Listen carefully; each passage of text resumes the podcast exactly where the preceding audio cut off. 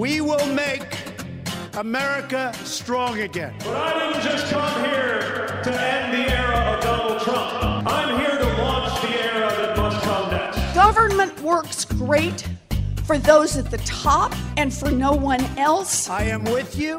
I will fight for you. And I will win for you. De kleine man met een grootse campagne. Ja, we gaan het vandaag hebben over presidentieel kandidaat Mike Bloomberg. Hij slaat de eerste vier voorverkiezingen over, maar dankzij een campagnebudget van misschien wel een miljard dollar stijgt hij in de peilingen. Wat zegt zijn opmars over de Democraten? Dit is de Holland-Amerika-lijn. Mijn naam is Victor Pak en zoals gebruikelijk spreek ik met Elsevier's Amerika-correspondent in Washington, Emiel Kossen. Dag Victor. Hi. Um, we hadden het al aangekondigd in de vorige aflevering. We zouden het gaan hebben over de democratische voorverkiezingen.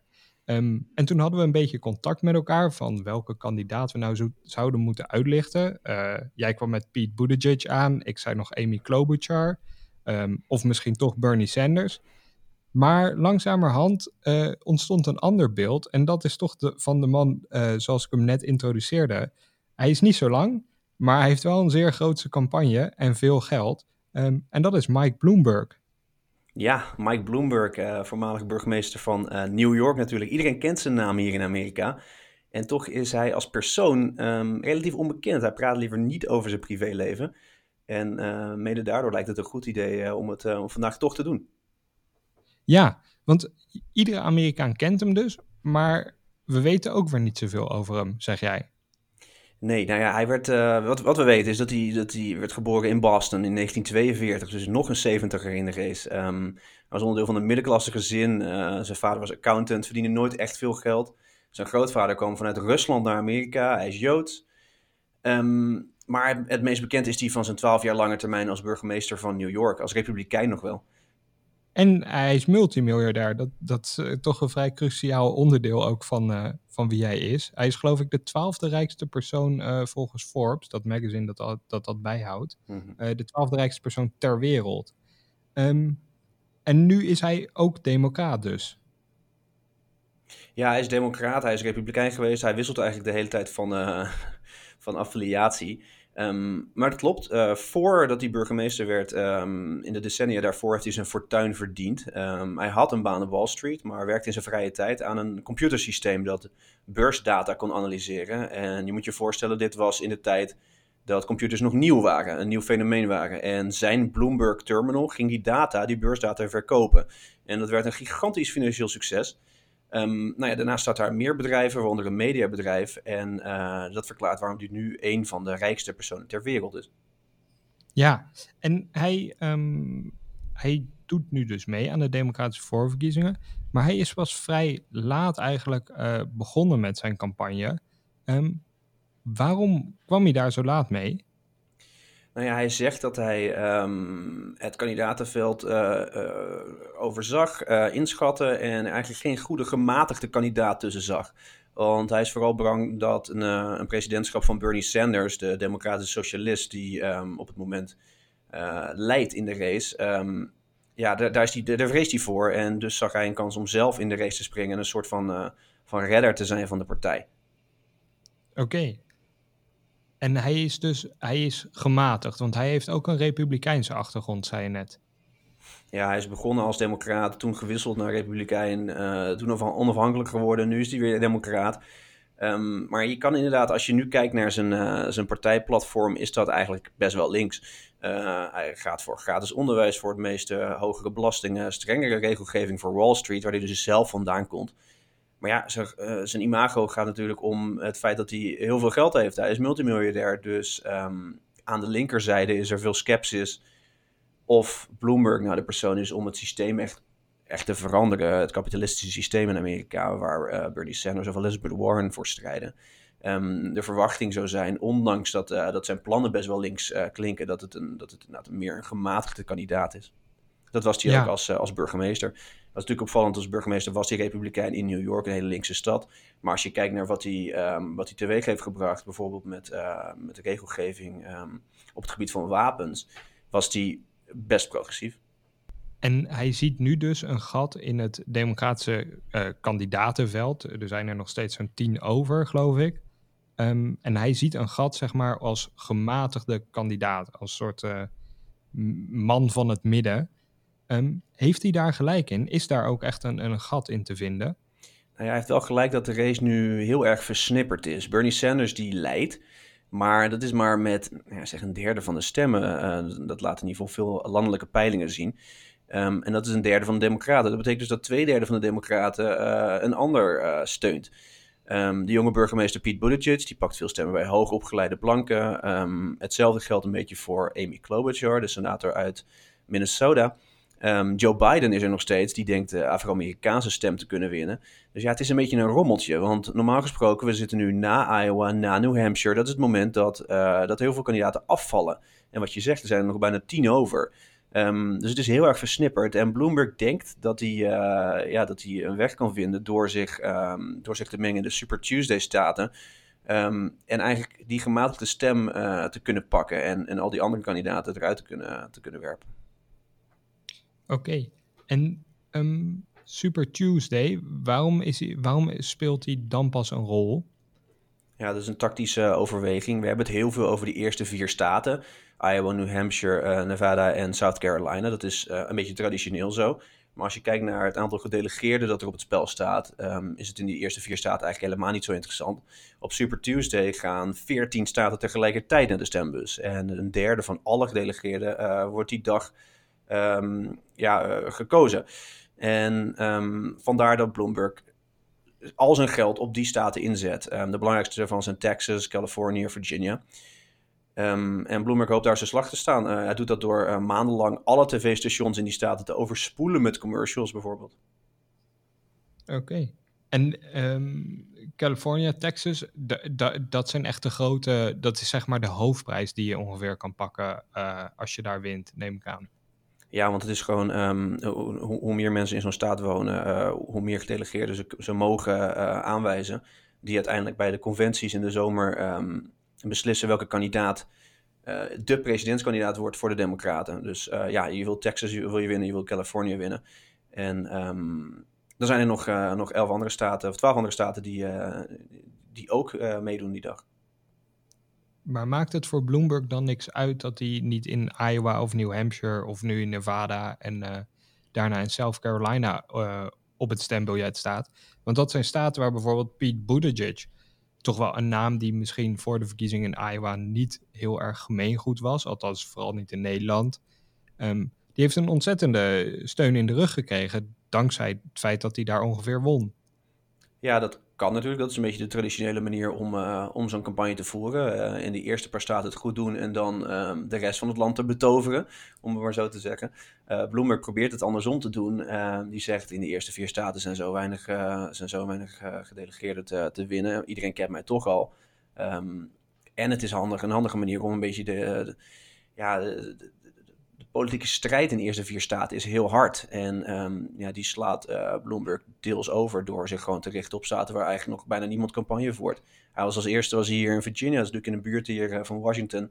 Um, ja, hij deed een tour door Virginia, dus je kan je, uh, je borst nat maken als je een van die andere kandidaten bent. Want Bloomberg die, die heeft wat dat betreft een voorsprong. En Bloomberg kan zich dat gewoon veroorloven om, omdat hij zoveel geld heeft.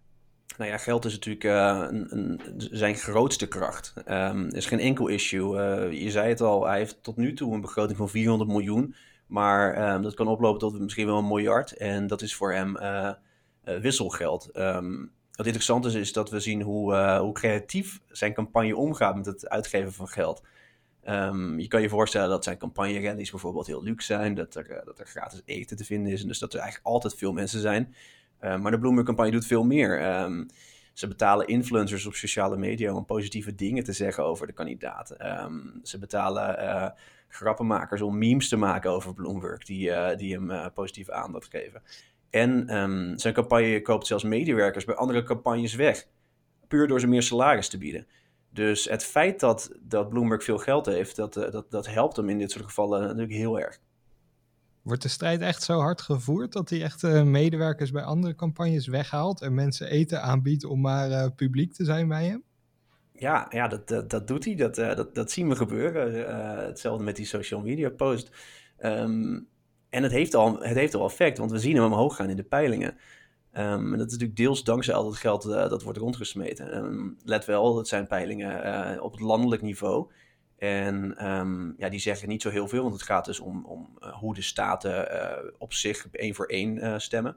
Maar het laat wel zien dat mensen kennen Bloomberg, mensen raken gewend aan zijn kandidatuur. En ja, als het, als het er mee zit, dan, dan maakt hij een kans.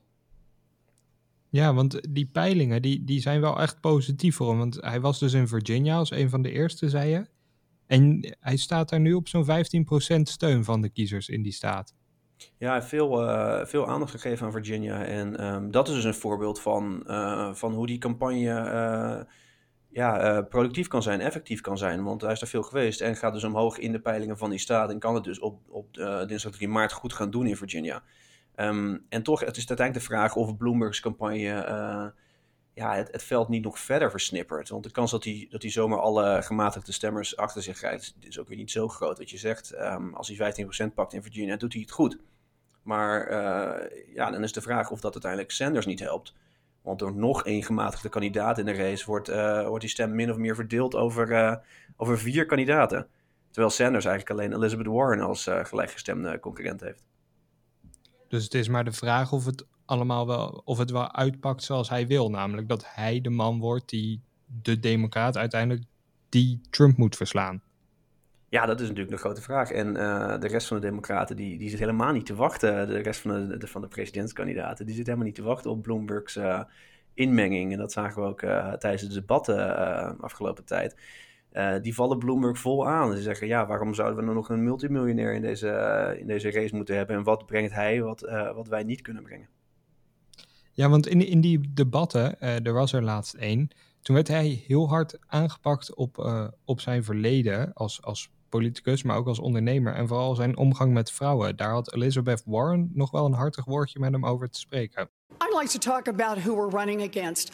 A billionaire who calls women fat broads and horse faced lesbians. And no, I'm not talking about Donald Trump, I'm talking about Mayor Bloomberg. Democrats are not going to win if we have a nominee who has a history of hiding his tax returns, of harassing women, and of supporting racist policies like redlining and stop and frisk. Hij wordt hier uh, stevig aangepakt, kunnen we wel zeggen. Um, het was zijn eerste kennismaking hè, op het uh, debatpodium. Ja, dat heeft hij geweten. Uh, alle, alle democratische tegenstrevers die vielen hem één voor één aan. Um, Elizabeth Warren die refereerde naar zijn tijd op Wall Street. Toen Bloomberg en vooral Bloomberg's bedrijf um, bekend stond om een, een boys culture. Zijn collega's en hij zelf zouden een hoop seksistische opmerkingen maken richting vrouwen. En daar, uh, daar hamerde Elizabeth Warren hier op. En ja, dat kan in het uh, MeToo-tijdperk voor problemen gaan zorgen. Um, Bloomberg zei ook negatieve dingen over transgenders, noemden ze mannen met een jurk. En um, ook ja, de, de opmerkingen over vrouwen, die zijn niet, die zijn niet erg netjes, zeker niet in deze tijd. Um, maar goed, het is de vraag of, of, of, of die, die beschuldigingen echt blijven hangen. En heeft, heeft hij verder nog, nog zwakke punten? Want het lijkt me dat voor de Democraten uh, dit al een heel pijnlijk punt is. Democraten die hebben de MeToo-movement echt omarmd. Uh, dat zag je ook bij de hoorzittingen uh, rondom de benoeming van, de, van Brett Kavanaugh, de Hoge Rechtshofrechter. Die ook werd beschuldigd van, van seksueel wangedrag. Um, is, heeft, heeft Bloomberg verder nog, nog zwakke punten? Nou, uit zijn tijd als uh, burgemeester in New York uh, blijft vooral stop en frisk hangen. Um, dat was het, uh, het, beleid van de politie om mensen op straat aan te houden zonder opgaaf van reden. Dus de politie in New York kon je gewoon op straat gewoon tegenhouden en zeggen van... hé, hey, we gaan jou even um, ondervragen, we gaan even, even je zakken doorzoeken, we, we, nemen je zelfs mee naar het bureau. Um, problematisch was daarbij dat minderheden veel vaker werden aangehouden. Terwijl um, in zo'n 80% van de gevallen uh, eigenlijk helemaal niks aan de hand was. Dat wordt nu gezien als um, racistisch, als discriminerend. En um, Bloomberg had er eigenlijk hele, hele lange tijd geen problemen mee. En eigenlijk pas sinds dat hij zijn kandidatuur heeft aangekondigd, heeft hij daar zijn, zijn excuses voor aangeboden. Nogal halfbakken ook nog eens. En ook dat zijn, ja, die, die, die opmerkingen kwamen ook terug in de debatten. Bloomberg ziet er gewoon niet heel goed uit op dat onderwerp. Ja, is dat dan wel geloofwaardig als je dan nu pas je excuses voor, daarvoor aanbiedt? Nee, niet echt. Uh, maar tegelijkertijd heeft hij ook een punt als hij zegt uh, dat eigenlijk alle andere kandidaten ook wel een, een smetje op hun uh, cv hebben wat betreft um, racisme, politiegeweld en, en dat soort zaken. Want ja, alle kandidaten op, die nog meedoen aan de presidentsverkiezingen zijn blank en zitten natuurlijk vast in hetzelfde systeem. Um, waarbij uh, zwarte Amerikanen bijvoorbeeld veel vaker in de gevangenis terechtkomen. En iedereen zegt wel dat ze er iets aan willen doen, maar dat hebben ze allemaal niet gedaan in hun carrière. Dus dat zou een van Bloomberg's uh, uh, ja, beste tegenargumenten kunnen zijn. Gewoon zeggen van, ja, we zitten eigenlijk allemaal een beetje in hetzelfde schuitje. laten we er nu maar het beste van maken. Ja, en die tegenargumenten gaat hij ongetwijfeld veel onder de aandacht brengen via televisiespotjes. Um, want, want hij werd massaal aangepakt door de Democraten. Zijn die niet ook gewoon een beetje jaloers op hem dat hij zo'n luxe en, en riante campagnekas heeft? Ja, ja en nee. Uh, ik denk dat de kandidaten uh, inderdaad denken van, oh, had ik maar zoveel geld. Want laten we wel wezen, in de eerste paar maanden heeft hij 200 miljoen dollar puur aan commercials uitgegeven. Dat is meer dan alle andere kandidaten bij elkaar. Dus dat is natuurlijk een enorme luxe. Um, aan de andere kant is dit de Democratische Partij. Dit is een, een veel linkere partij dan een aantal jaar geleden. En een hoop van die kandidaten die maken het argument dat geld corrumpeert. Bernie Sanders voorop, Elizabeth Warren doet hetzelfde. Maar ook de andere kandidaten die willen af miljoenen campagnes en superpacks, zeggen ze. Um, dus de kandidatuur van Michael Bloomberg die, die zorgt wel voor, uh, ja, die zorgt voor een, een lastig dilemma. Stel dat hij uh, het helemaal zou halen tot het einde. Um, dan zit je dus met een kandidaat die heel veel geld heeft waar je eigenlijk als partij tegen bent. Maar Bloomberg zegt dat al dat geld juist hard nodig is om Trump te verslaan. En ja, dat is dus een beetje het duivelse dilemma. De eigen waarde opzij of uh, de morele keuze om de hulp van een multimiljardair af te wijzen. Um, en als je zegt, uh, zijn, ze, zijn ze jaloers uh, op dat geld? Met het geld kan je natuurlijk een hele hoop doen. Je kan ook eigenlijk politici kopen. Dat is eigenlijk wat hij de afgelopen jaren heeft gedaan namelijk politici kopen. Ehm, hij, hij is ook echt een filantroop. Um, en daardoor heeft hij ook veel steun bij, bij andere politici, toch? Want jij woont in Washington, D.C. En ik begreep, jouw de burgemeester van jouw stad, die steunt Bloomberg. Ja, Muriel Bowser is een, uh, een, een, zwarte, uh, zeer linkse mevrouw. En ja, die steunt Michael Bloomberg. En dat zorgde in eerste instantie voor een aantal vraagtekens hier bij, de verslaggevers uh, ter plekke, de, de, de, lokale reporters van de Washington's media.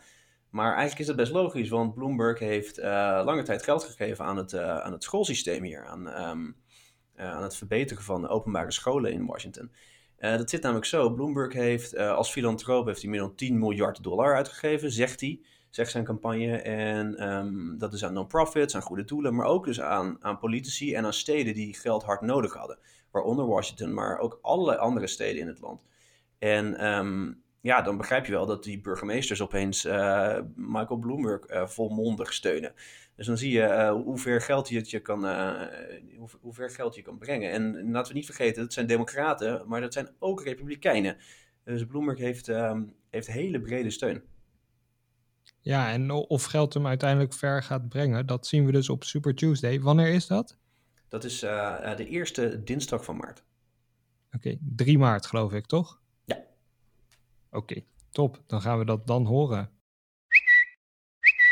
The president, as you know, has been tweeting today about Puerto Rico. As we sit here testifying, the president is attacking you on Twitter. Twitter is a wonderful thing for me because I get the word out. Ja, tijd voor de tweet. Two months in jail for a swamp creature, yet nine years recommended for Roger Stone, who wasn't even working in the Trump for the Trump campaign. That sounds very fair. Rogue prosecutors, maybe? The swamp. Ja, Trump tweette hier dus over Roger Stone, um, die te horen kreeg dat hij uh, misschien wel negen jaar de gevangenis in moet. Roger Stone is um, een van Trumps uh, meest trouwe adviseurs. Die kennen elkaar al, al tientallen jaren. En um, Trump mengde zich dus in deze uh, justitiële discussie door te zeggen dat uh, de straf van Roger Stone eigenlijk omlaag zou moeten gaan. Um, nou, dat is, dat, is, dat is één ding, dat is vreemd dat de president zich daarin mengt. Maar daarna uh, kwam het ministerie van Justitie naar buiten dat ze het toevalligerwijs met hem eens waren en dat ze, um, dat ze adviseerden om inderdaad een lagere straf aan, aan Stone te geven. Nou ja, dat creëert de impressie dat uh, Trump het, uh, het, het justitiële apparaat aan het beïnvloeden is. En um, ja, daar heeft iedereen het dan weer over in Washington. Ja, want, want Roger Stone, die, die stond al terecht, zeg maar. Die negen jaar was echt een eis van de, van de openbaar aanklagers, toch? Ja, van de aanklagers dus. Uh, het, is niet, het is niet gezegd dat die straf ook uitkomt, want de aanklager wil vaak hogere straffen hebben dan, um, dan wat een rechter uiteindelijk uh, uh, beslist. Maar inderdaad, aanklagers die, ehm, die zeggen dat hij dat verdient. Hij heeft gelogen tegen het, tegenover het congres over um, de, de Ruslandzaak. Dat is hier nog een, een uitwas van. En um, zij vinden negen jaar terecht. Nou zijn er een, een hoop mensen in het, in het ministerie van Justitie die die straf te hoog vonden. En dat kan dus ook. Alleen nu was het lastig dat Trump zich daar middenin uh, aan het bemoeien was. Uh, ermee aan het bemoeien was. En daardoor lijkt het nu alsof Trump heeft gezegd tegen het ministerie van Justitie: um, jongens, laten we die straf even wat lager uitvallen. Omdat het een van zijn vriendjes is. De aanklagers waren, er, waren er ook niet blij mee. Ze zijn alle, er waren in totaal vier aanklagers in de zaak tegen Roger Stone. En die zijn nu allemaal opgestapt, toch? Die stapt allemaal op. En daarna, om het nog ietsje erg te maken, kwam uh, die minister van Justitie naar buiten. Die um, William Barr, die openlijk klaagde over, over die tweets van Trump. En zei, hou nou eens op met tweeten. Uh, ik kan mijn werk niet doen. Het lijkt nu alsof ik beïnvloed word. En volgens Barr is dat helemaal niet het geval. Um, en dat, dat kan ook heel goed waar zijn. Uh, want die straf, die, die klonk redelijk hoog. Die, of die eis van, van de aanklager. Dus het kan best wel zijn dat het ministerie van Justitie daadwerkelijk onafhankelijk heeft besloten dat um, om, om dus een lagere straf te adviseren. Uh, maar door die tweets van Trump uh, is die impressie wel gecreëerd. Nou ja, Barr die, uh, die overweegt nu, zou zelfs overwegen om ze helemaal op te stappen. En um, ja, dat is even afwachten of dat ook echt gaat gebeuren.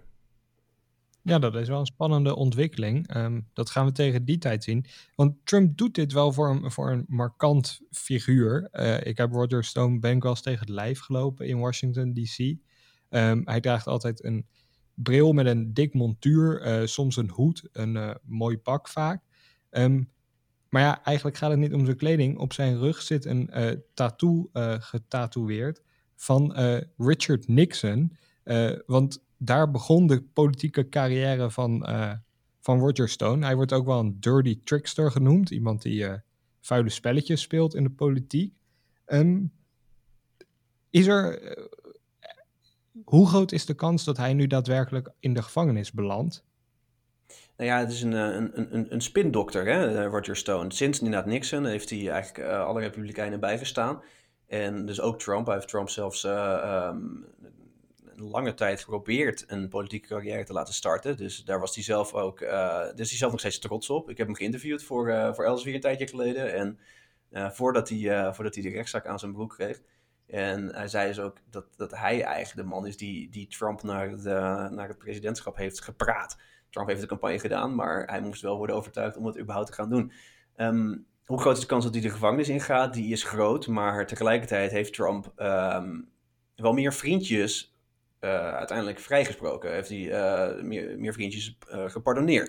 Want zijn pardonrecht, um, ja, dat gebruikt hij wel vaker. En dat zou bij eh, bij Stone ook kunnen gebeuren. Dat weten we natuurlijk niet zeker. Trump wilde niks over zeggen, maar ik zal het niet uitvlakken. Ja, want uh, Trump heeft als president, iedere Amerikaanse president, heeft dat de macht om mensen uh, een pardon te geven, clementie aan te bieden. Dus dan, dan wordt je straf uh, omgezet of zelfs kwijtgescholden, toch? Ja, en um, toevallig zagen we dat afgelopen week nog. Um, zette hij een streep door de straf van 11 Amerikanen. Um, met dat pardonrecht. Uh, waaronder de, de voormalige gouverneur van Illinois, de democraat, Rod Blagojevich. Die, um, ja, die zat in de cel voor het verkopen van de senaatsplek van Barack Obama toen die, uh, toen die uh, presidentskandidaat werd. Um, dat is een democraat, maar ook een vriendje van Trump. Die heeft ooit een keer meegedaan aan zijn reality show. Um, en Trump heeft uiteindelijk besloten uh, deze week dus om, uh, om zijn straf iets te verkorten. Die zou eigenlijk nog vier jaar in de gevangenis moeten zitten. En um, ja, die, uh, die, die, mocht dus nu, die mocht nu eerder naar buiten. En ja, als we dan teruggaan naar Roger Stone, dan zou dat kunnen gebeuren. Um, en de kans bestaat dat Roger Stone zou worden geholpen door Trump. Wat voor straf hij ook, ook krijgt van de rechter. Oké, we gaan het in de gaten houden. Dan was dit het alweer voor deze week. Vergeet u niet te abonneren op ons podcastkanaal van de Holland-Amerika-lijn of Elsevier Weekblad. En graag tot de volgende keer.